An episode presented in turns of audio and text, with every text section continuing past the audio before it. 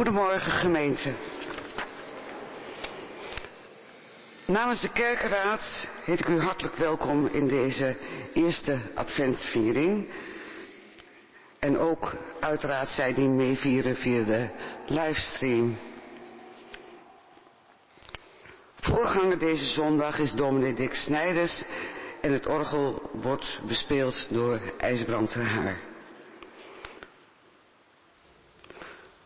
De bloemengroet gaat deze zondag met de groet van ons allen naar de familie Rozenaar en naar de heer Schut.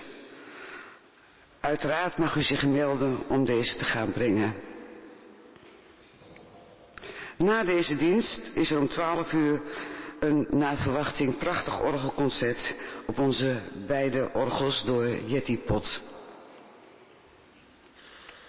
Rest me u een goede kerkdienst te wensen, waarin we gestalte kunnen geven aan de hoop die in ons is en de liefde die ons draagt.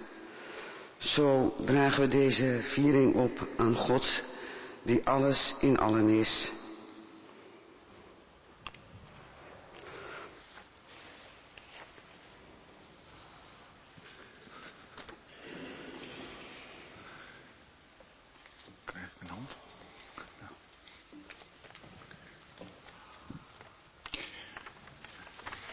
Het is eerste advent.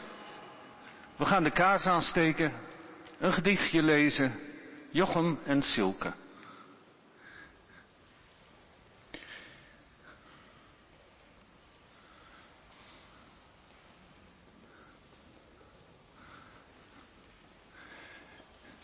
Jochem, jij zou de kaars aansteken.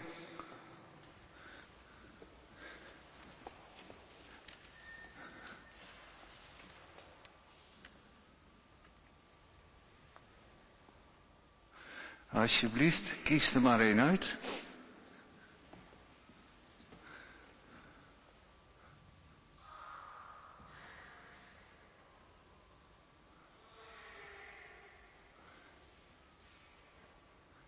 Goed zo. En Silke, we hebben een krukje. Ja.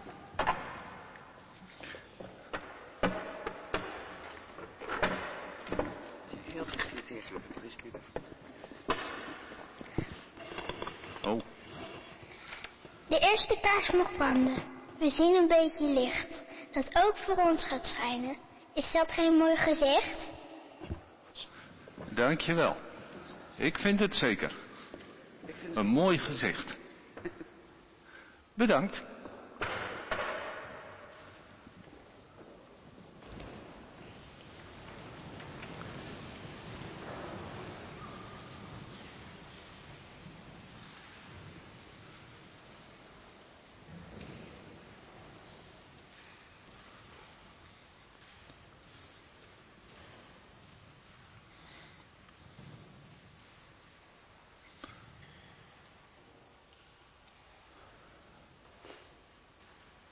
De God zal met u zijn. Onze hulp is in de naam van God. Zijn trouw duurt eeuwig.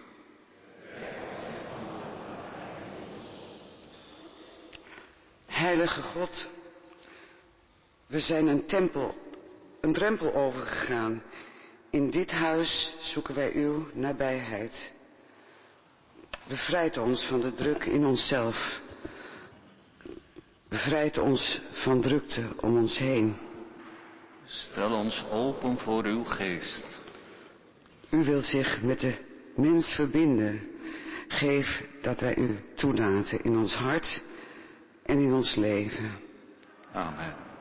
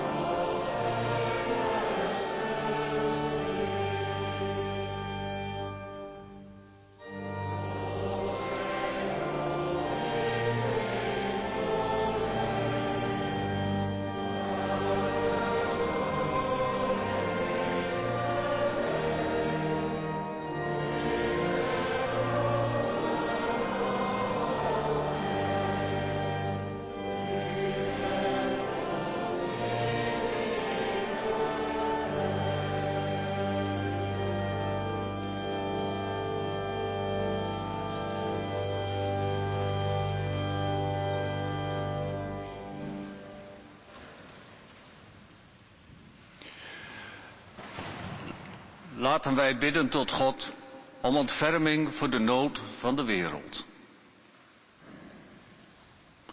God, wij zijn het spoor kwijtgeraakt en dreigen te verdwalen. Kom naar ons toe en wijs ons de weg. We zijn verstrooid geraakt en hebben elkaar verloren. Kom naar ons toe en bind ons tezamen.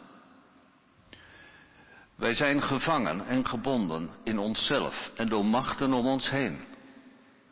Kom naar ons toe en maak ons weer vrij. We tasten in het duister en angst beheerst ons hart. Kom naar ons toe en verhelder ons leven. Wij willen onszelf redden, maar zonder u zijn wij verloren. Kom naar ons toe en wees ons behoud. Zo bidden wij tezamen.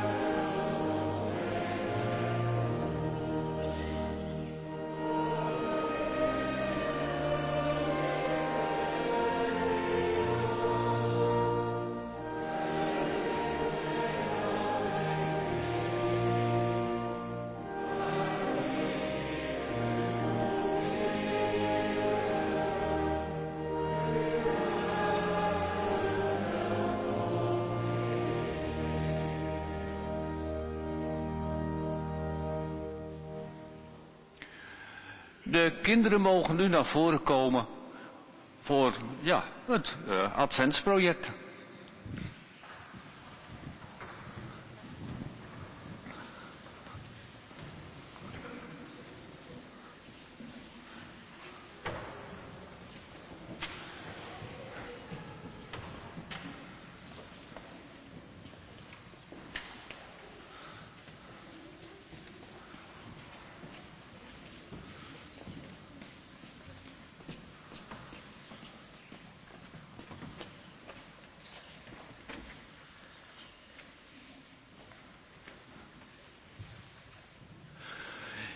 Kerk vieren we Advent. En Advent betekent komst. Maar wie gaat er komen? In de kerk denken we dan aan Jezus. Omdat we met kerstmis aan het einde van de maand vieren dat Jezus is geboren. Misschien hebben jullie wel een adventskalender. Of ik weet eigenlijk zeker dat jullie een adventskalender hebben. Ja, ja, zeg het maar.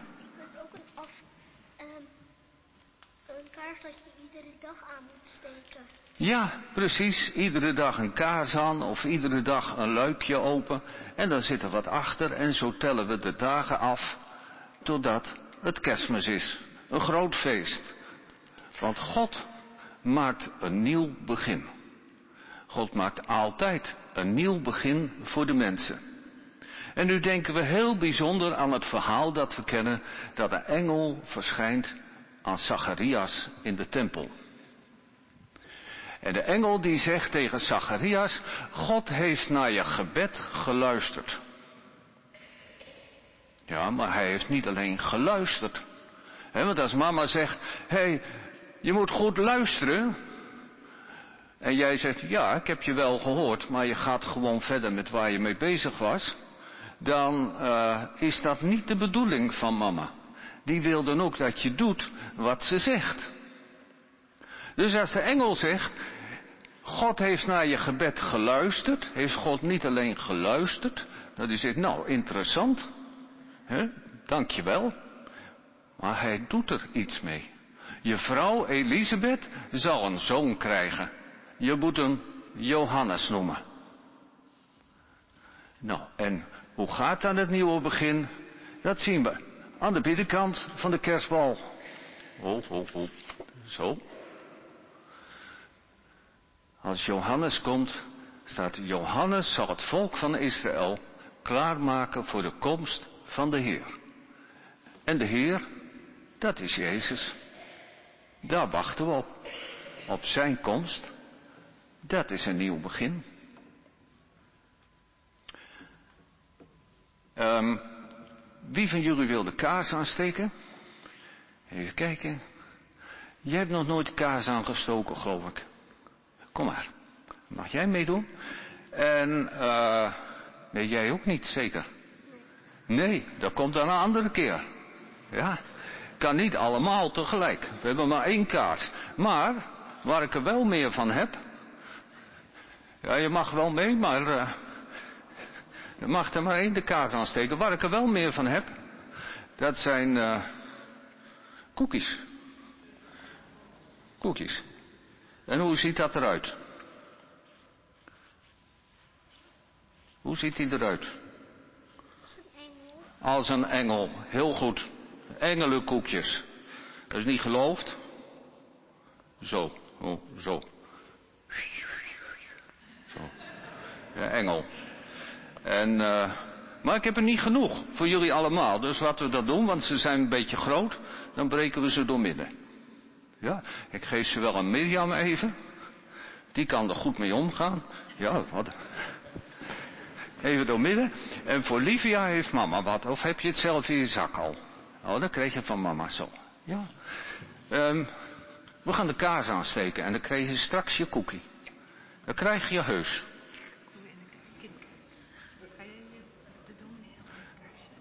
Oh, je krijgt het in de kinderkerk, hoor ik. Ja. Ja, dus we moeten ook nog zingen met elkaar. Kijk nou, een vlinder. Heb je hem gezien? Ja, er vliegt een vlinder.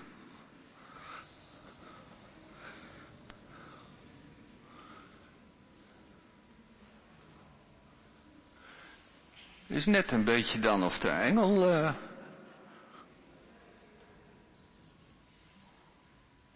Zo. Alsjeblieft. Mag jij vasthouden? En dan pakken we het lampje erbij. En dan moet je dicht bij dat zwarte dingetje houden, vlammetje, maar net niet er tegenaan. Zo. Ja, blaas maar uit. Goed zo. Hé, hey, ho, je mag het lampje meenemen. En dan mag jij straks voorop met het lampje.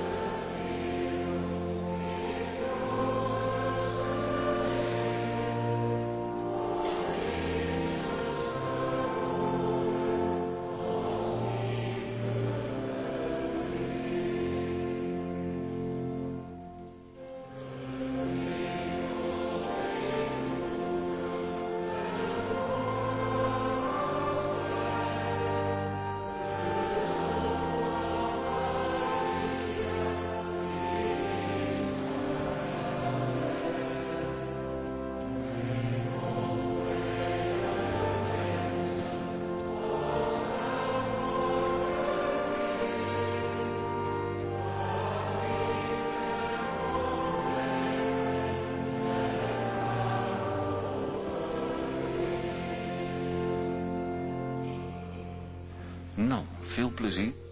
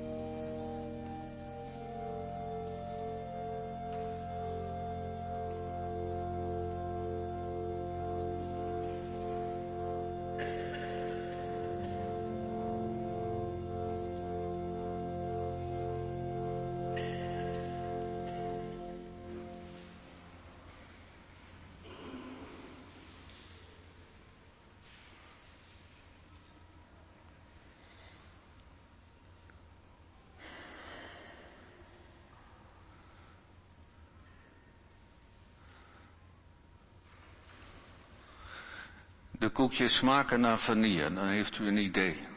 Ja. Laten wij bidden.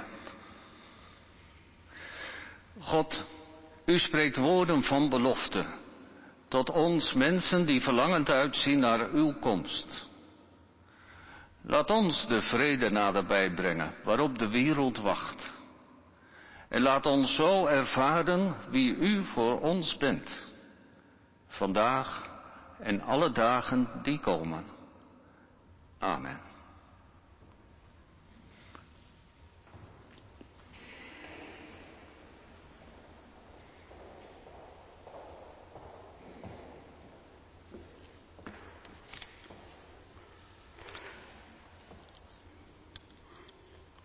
Ik lees u voor uit het Eerste Testament, Jesaja 40, vers 3 tot 11.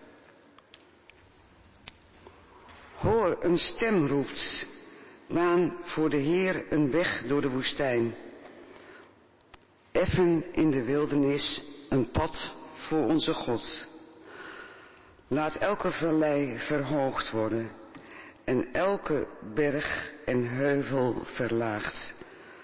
Laat ruigland vlak worden en rotsige hellingen rustige dalen. De luister van de Heer zal zich openbaren voor het oog van al wat leeft. De Heer heeft gesproken. Hoor een stem zegt roep en een stem antwoordt, wat zou ik roepen? De mens is als gras, teer als een bloem in het veld. Het gras verdort en de bloem verwelkt wanneer de adem van de Heer erover blaast. Ja, als gras is dit volk. Het gras verdort en de bloem verwelkt, maar het woord van onze God houdt eeuwig stand. Beklim een hoge berg, vreugdebode Sion. Verhef je stem met kracht, vreugdebode Jeruzalem. Verhef je stem, vrees niet. Zeg tegen de steden van Juda, zie hier jullie God. Zie hier, God de Heer. Hij komt met kracht. Zijn arm zal heersen. Zijn loon heeft hij bij zich. Zijn beloning gaat voor hem uit. Als een herder wijdt hij zijn kudde. Zijn arm brengt de lammeren bijeen. Hij vlijt ze tegen zijn borst. En zorgzaam leidt hij de ooien. Tot zover deze schriftlezing.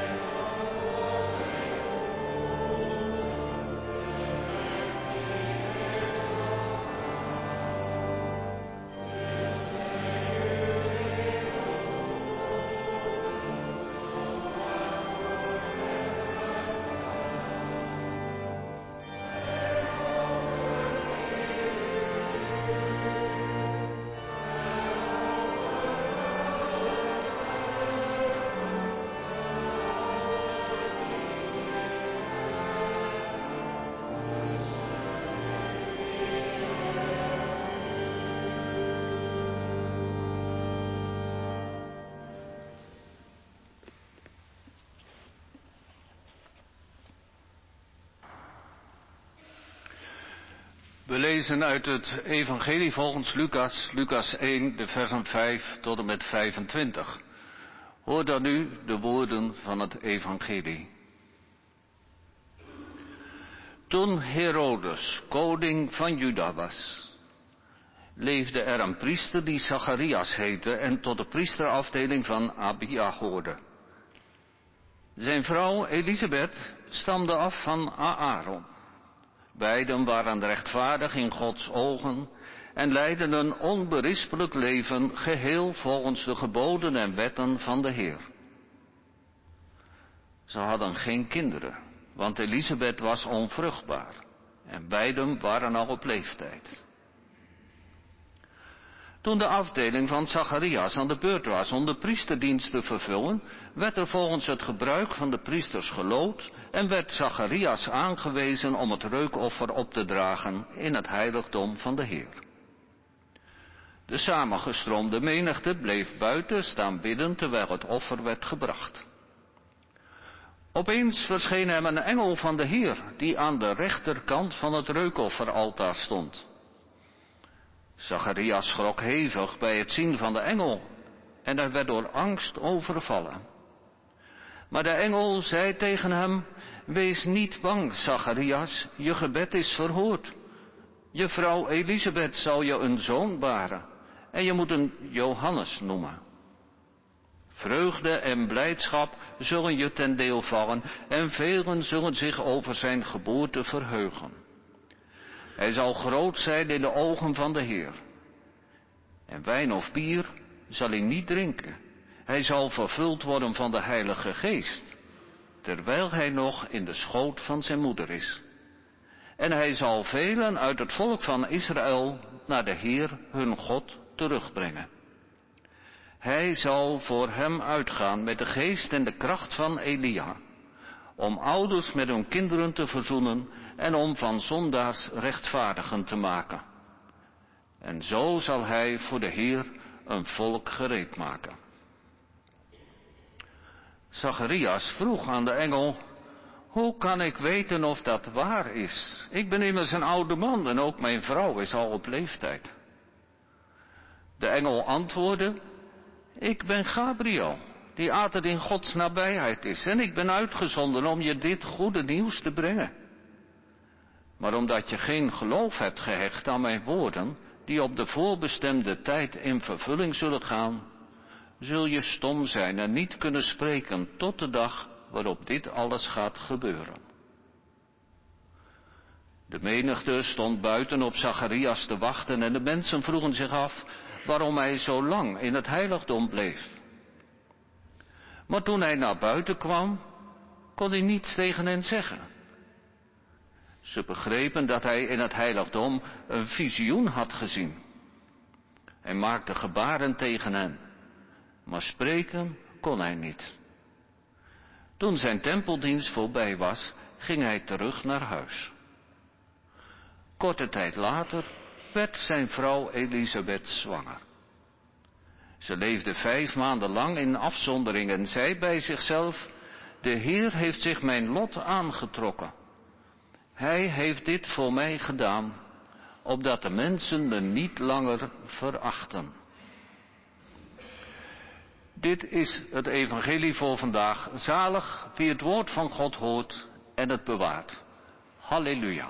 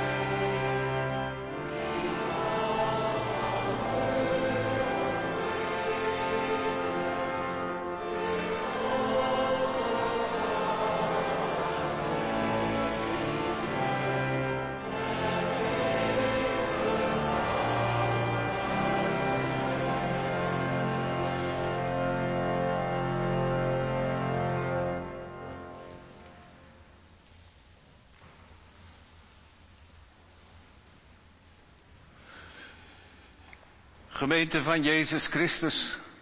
Jezaja profeteert baan voor de Heer een weg door de woestijn.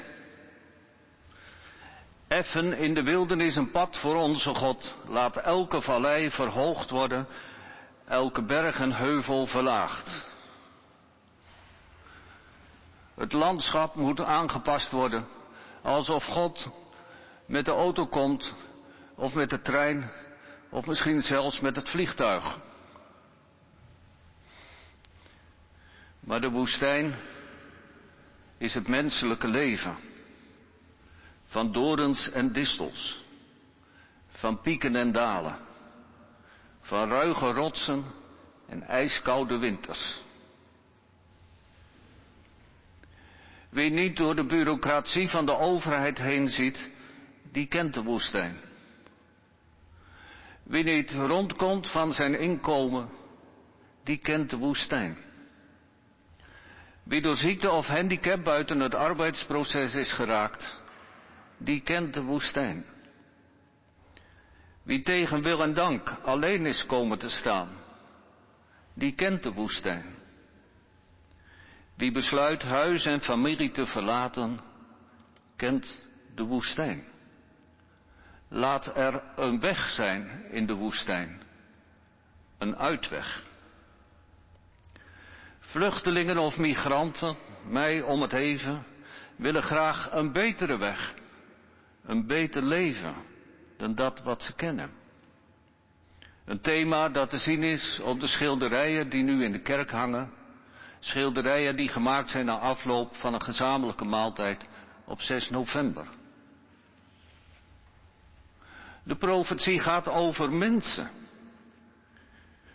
Want de mens, zegt Jezaja, die is als gras, als een tere bloem, een woekerend onkruid in de volle zon, kwetsbaar. Het gras verdort, de bloem verwelkt. Maar het woord van God gaat door. Ook als er verkiezingen zijn geweest, ook als de kerk krimpt en we er misschien zelf niet meer in geloven. We zijn aan de woestijn gewend geraakt. Want het leven valt vaak niet mee door tegenslag, armoede, ziekte of dood. En natuurlijk zit het ook wel eens mee.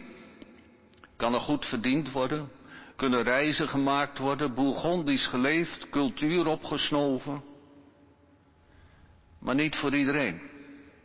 Niet altijd en ook niet een leven lang. Het gaat zoals het gaat. We zijn eraan gewend geraakt. De verschijning van de engel is dan overrompelend. Zelfs als je met de heilige dingen bezig bent, verwacht je nog niet een engel voor je neus. Het reukwerkoffer met wierook wordt in de tempel opgedragen aan God. Maar dan denk je toch niet dat hij persoonlijk langskomt om het in ontvangst te nemen. Of dat hij zijn boodschappen naar je toestuurt. Een engel. Ik denk wel dat er engelen zijn, ja. Ik heb verhalen gelezen, geloofwaardige verhalen, dat mensen onontkoombaar engelen hebben gezien en ervaren. Engelen die zich niet laten ontkennen. Als wij het over engelen hebben, dan denken we wel aan mensen die als een engel zijn. Of die echt engelen voor elkaar zijn, boodschappers van het goede van God. En engelen worden ook wel gebruikt als stilistisch hulpmiddel in verhalen en toneelstukken. En misschien hier ook wel door de evangelist. Maar ik denk ook wel dat er echt engelen zijn. Niet-aardse wezens die een brug vormen tussen God en mens. Die er ook zijn om de mensen te helpen op de aarde. Want waarom zouden we wel in God geloven en dan niet in engelen? Als we in God geloven, laten we al, het bekende, al het aardse, al het materiële los in ons denken. En het bovenmenselijke bestaan tussen God en de mens Het zal toch niet verder helemaal leeg zijn. En dan kan ik niet verder invullen hoe dat, dat zit. Er zijn wel theorieën over, maar het meeste van wat je leest van die theorieën is een herhaling van wat anderen al hebben gezegd. mensen die veel met engelen bezig zijn, die praten elkaar allemaal na. Die hebben het niet uit de eerste hand, uit eigen ervaring. Maar als je een engel hebt ontmoet, dan weet je het. Nou, een engel, engel hoeven we ook niet te denken per se aan een wezen met vleugels. Die vleugels, dat is nou weer wel een stilistisch hulpmiddel om te laten zien dat het wezens zijn uit een andere sfeer. Vergelijk met de uitdrukking vogelen des hemels. zo zijn dit ook wezen des hemels. Die vliegen, zeggen we dan. Maar soms is een engel inderdaad niet te onderscheiden van een gewoon aards persoon. Maar Zacharias herkent de verschijning bij het altaar als een engel. En dat is schrikken, hij rekent er niet op, hij verwacht het niet. En die engel die komt terwijl Zacharias bezig is met een publieke taak, met een persoonlijke boodschap. Je vrouw Elisabeth zal een zoon krijgen en je moet hem Johannes noemen. Johannes, de Heer is genadig betekent dat. Een nieuw begin. Geef licht, vreugde, blijdschap, beschuit met muisjes. Maar geen wijn of bier zal hij drinken.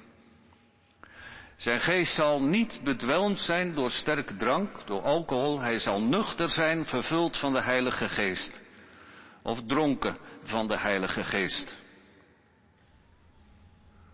Want wie vervuld is van de Heilige Geest wordt in de wereld soms gezien als wereldvreemd. Of niet helemaal toerekeningsvatbaar. Hoe zal ik dat weten? vraagt Zacharias. Ja, dat weet je ook niet, maar dat moet je geloven. Als een engel dat tegen je zegt, moet je dat geloven. En Zacharias, die zal dan niet meer spreken tot deze dingen zijn gebeurd. Want als je niet gelooft, wat de engel tegen je zegt, dan kan je maar beter je mond houden. Als Zacharias buiten komt om de mensen te zegenen, kan hij geen woord uitbrengen. De mensen begrijpen dan dat hij een visioen heeft gehad. Zwijgen is misschien wel het beste. Als je zo'n ervaring hebt gehad. Want wie zou jou dan ook geloven? En na de tempeldienst gaat Zacharias naar huis. En inderdaad, Elisabeth wordt zwanger. Zij zegt, de Heer heeft zich mijn lot aangetrokken. Hij heeft dit voor mij gedaan, opdat de mensen me niet langer verachten. Au. Dat doet zeer. Misschien nooit gezegd, maar altijd gevoeld. En zo vinden we in een paar woorden in een verhaal wat woestijn is in het leven. De verachting van mensen om iets waar je helemaal niks aan kunt doen. Nou ja, je kunt wel wat doen om kinderen te krijgen, want helemaal zonder iets te doen zullen geen kinderen geboren worden. Maar of ze komen, hebben we niet in de hand. Ook niet met alle vruchtbaarheid bevorderende middelen en therapieën die er nu zijn. En je hebt het er zelf al moeilijk mee. En dan ook nog de verachting of het meelij en alle goed bedoelde adviezen van de mensen om je heen. Dan is het inderdaad tijd voor een nieuw begin voor de mensheid. En het kleine geluk in dit verhaal wijst verder naar het grote geluk voor mens en wereld. Johannes zal de wereld voorbereiden op de komst van de Heer. Hij baant voor de Heer een weg door de woestijn. En dat begint met dit kleine huiselijke geluk.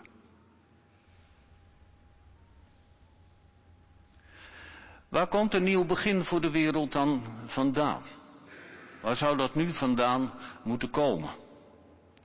Veel mensen zijn geneigd om te kijken naar hen die de wereld besturen, hebben grote verwachtingen van bijvoorbeeld de klimaattop in Dubai. Of we kijken naar de politiek. En sommige mensen maken zich erg druk om de politiek en het maakt inderdaad veel uit of je onder een parlementaire democratie leeft of onder een dictatuur. Het maakt ook uit of we een links- of een rechtskabinet krijgen of een er ergens tussenin. En de politiek zal zeker ook invloed hebben op ons besteedbare inkomen, op migratie, op veiligheid, op wonen en op energie. Maar de politiek maakt niet het kleine geluk. Het kleine geluk dat allemaal bij elkaar het grote geluk geeft. En het Bijbelverhaal zegt dat we het niet hoeven te verwachten van degenen die ons regeren. Het staat er niet met zoveel woorden, maar als in een voetnoot, maar dan aan het begin, in de eerste zin. Toen Herodes koning van Judea was, zo schrijven wij geschiedenissen, leefde er een priester. En dan gaat het verhaal verder over die priester en over de engel. Die koning, die komt er niet meer aan te pas. Baan voor de Heer een weg door de woestijn. Wat is er voor nodig dat we daar nou ja op zeggen?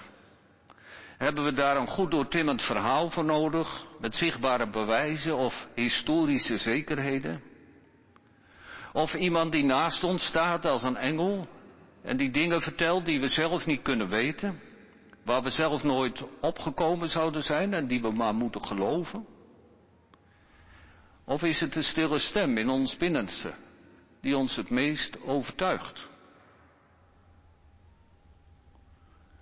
God spreekt ieder mens verschillend aan. En daarom geloven we verschillend. En is het zo boeiend om er met elkaar over te praten.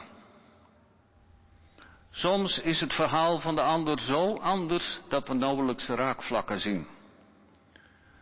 En soms roepen onze verhalen over en weer juist veel herkenning op. Of misschien nieuwsgierigheid. En soms begrijpen we elkaar al zonder woorden.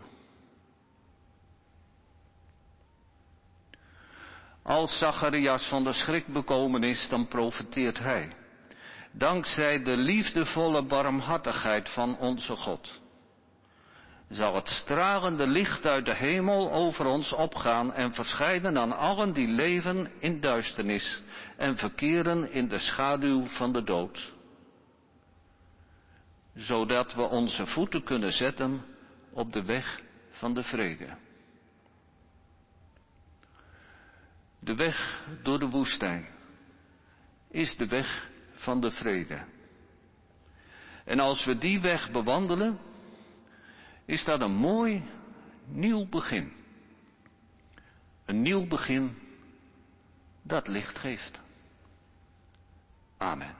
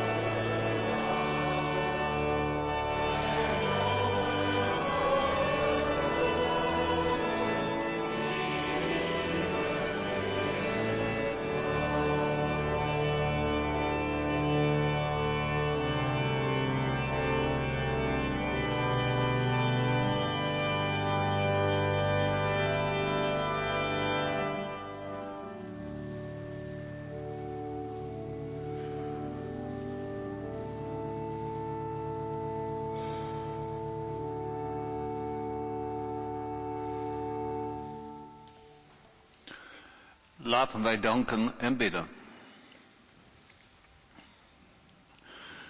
God, wij danken u dat u omziet naar de mensen. Wij danken u dat wij mogen uitzien naar een nieuwe komst. Wij danken u dat wij u kennen als de bron van ons bestaan en als het licht in ons leven. Wij danken u dat u ons een basis geeft om op te steunen en een uitzicht waarheen wij op weg gaan. U geeft zekerheid en vertrouwen. En geef dat wij waakzaam zijn en de tekenen zullen herkennen. En laat ook ons vol zijn van uw geest. Zo bidden wij u tezamen.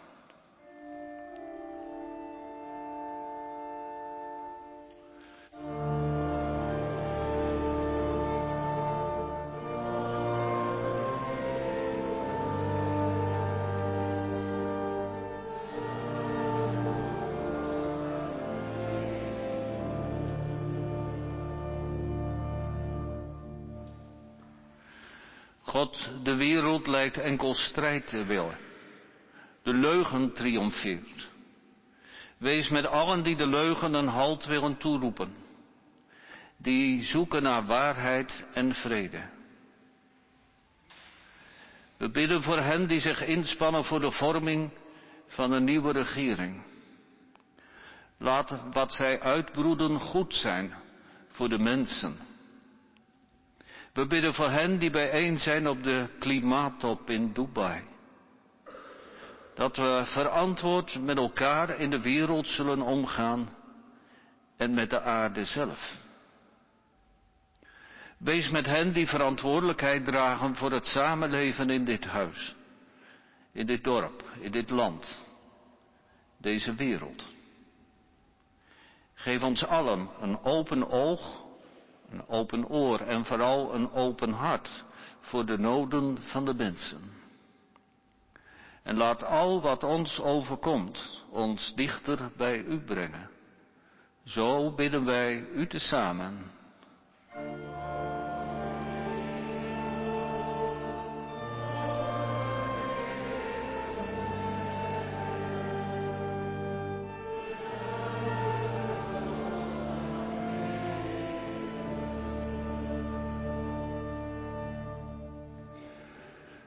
God, wij dragen aan u op allen die ziek zijn en die pijn hebben. Laten zij zich gedragen mogen weten door uw trouw.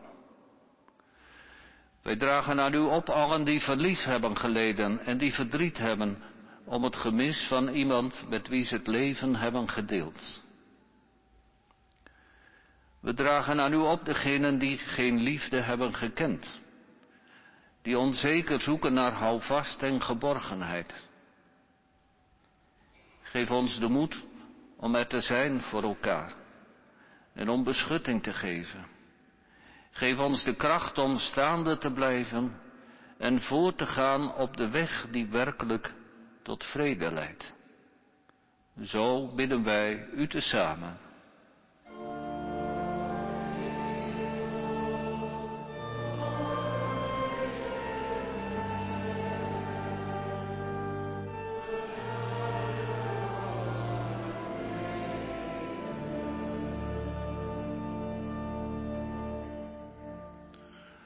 God, ook wij kunnen soms beter zwijgen. Spreek tot ons, nu wij stil zijn.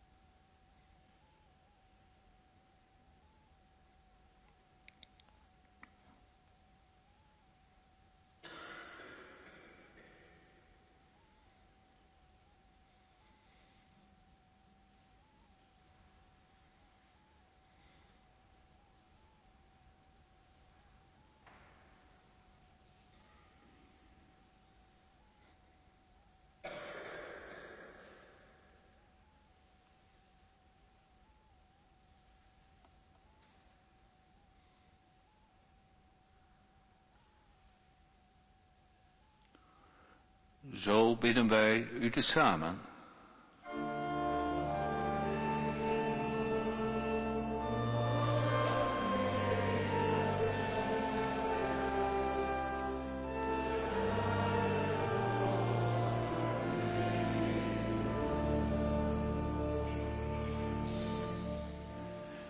En wij bidden.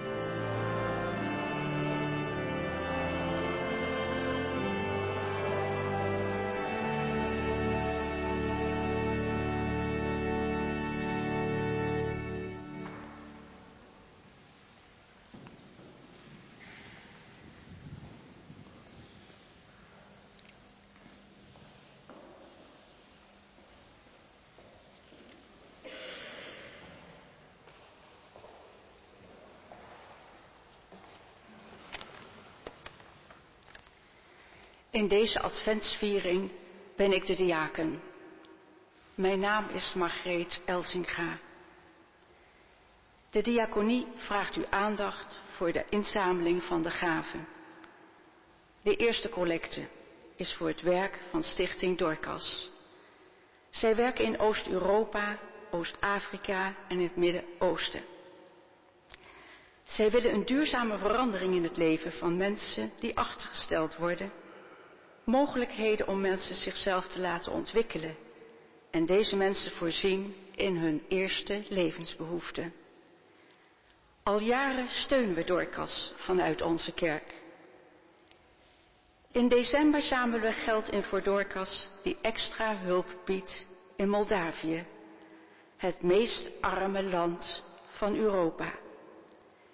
Een land waarin corruptie, werkloosheid immigratie van jongvolwassenen naar rijkere landen blijft zitten met grote armoede. Ook de gespannen situatie in Moldavië, politiek en economisch, is erg onstabiel. Ondanks deze moeilijke omstandigheden vangt Moldavië vluchtelingen uit Oekraïne op. Delen van je armoede, hoe moedig is dat? Hulp. En zeker geld is nodig voor voedsel, medicijnen, opvangcentra en kinderzorg. Wij rekenen op uw gulle gaven. De tweede collectie, collecte is voor het werk van onze eigen kerk. De derde collecte is voor de stichting Kruispunt Arnhem. Kruispunt is een kleine ecumenische organisatie die als werkgroep van de Raad van Kerken in Arnhem is opgericht. Kruispunt is een inloophuis met als doel het geven van pastorale zorg en aandacht. Het betreft mensen die tijdelijk geen huis hebben, verslaapt zijn, ex-gedetineerd, arbeidsmigranten en zo on. Ze willen deze mensen een menswaardige plek bieden en een luisterend oor. Een kop koffie en een warme maaltijd horen ook bij deze aandacht. Dat kost geld. De diaconie wil samen met u een financiële ondersteuning geven aan deze stichting. Doet u mee?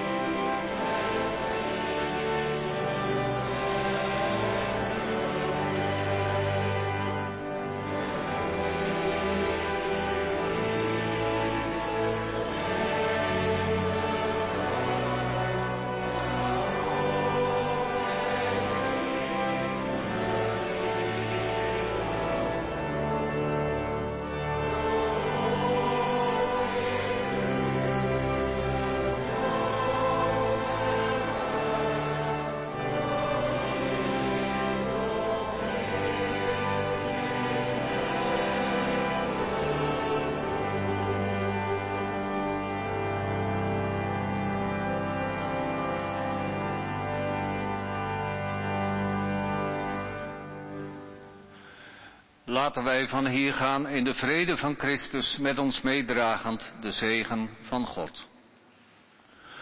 De genade van onze Heer Jezus Christus, de liefde van God en de eenheid met de Heilige Geest zijn met u allen.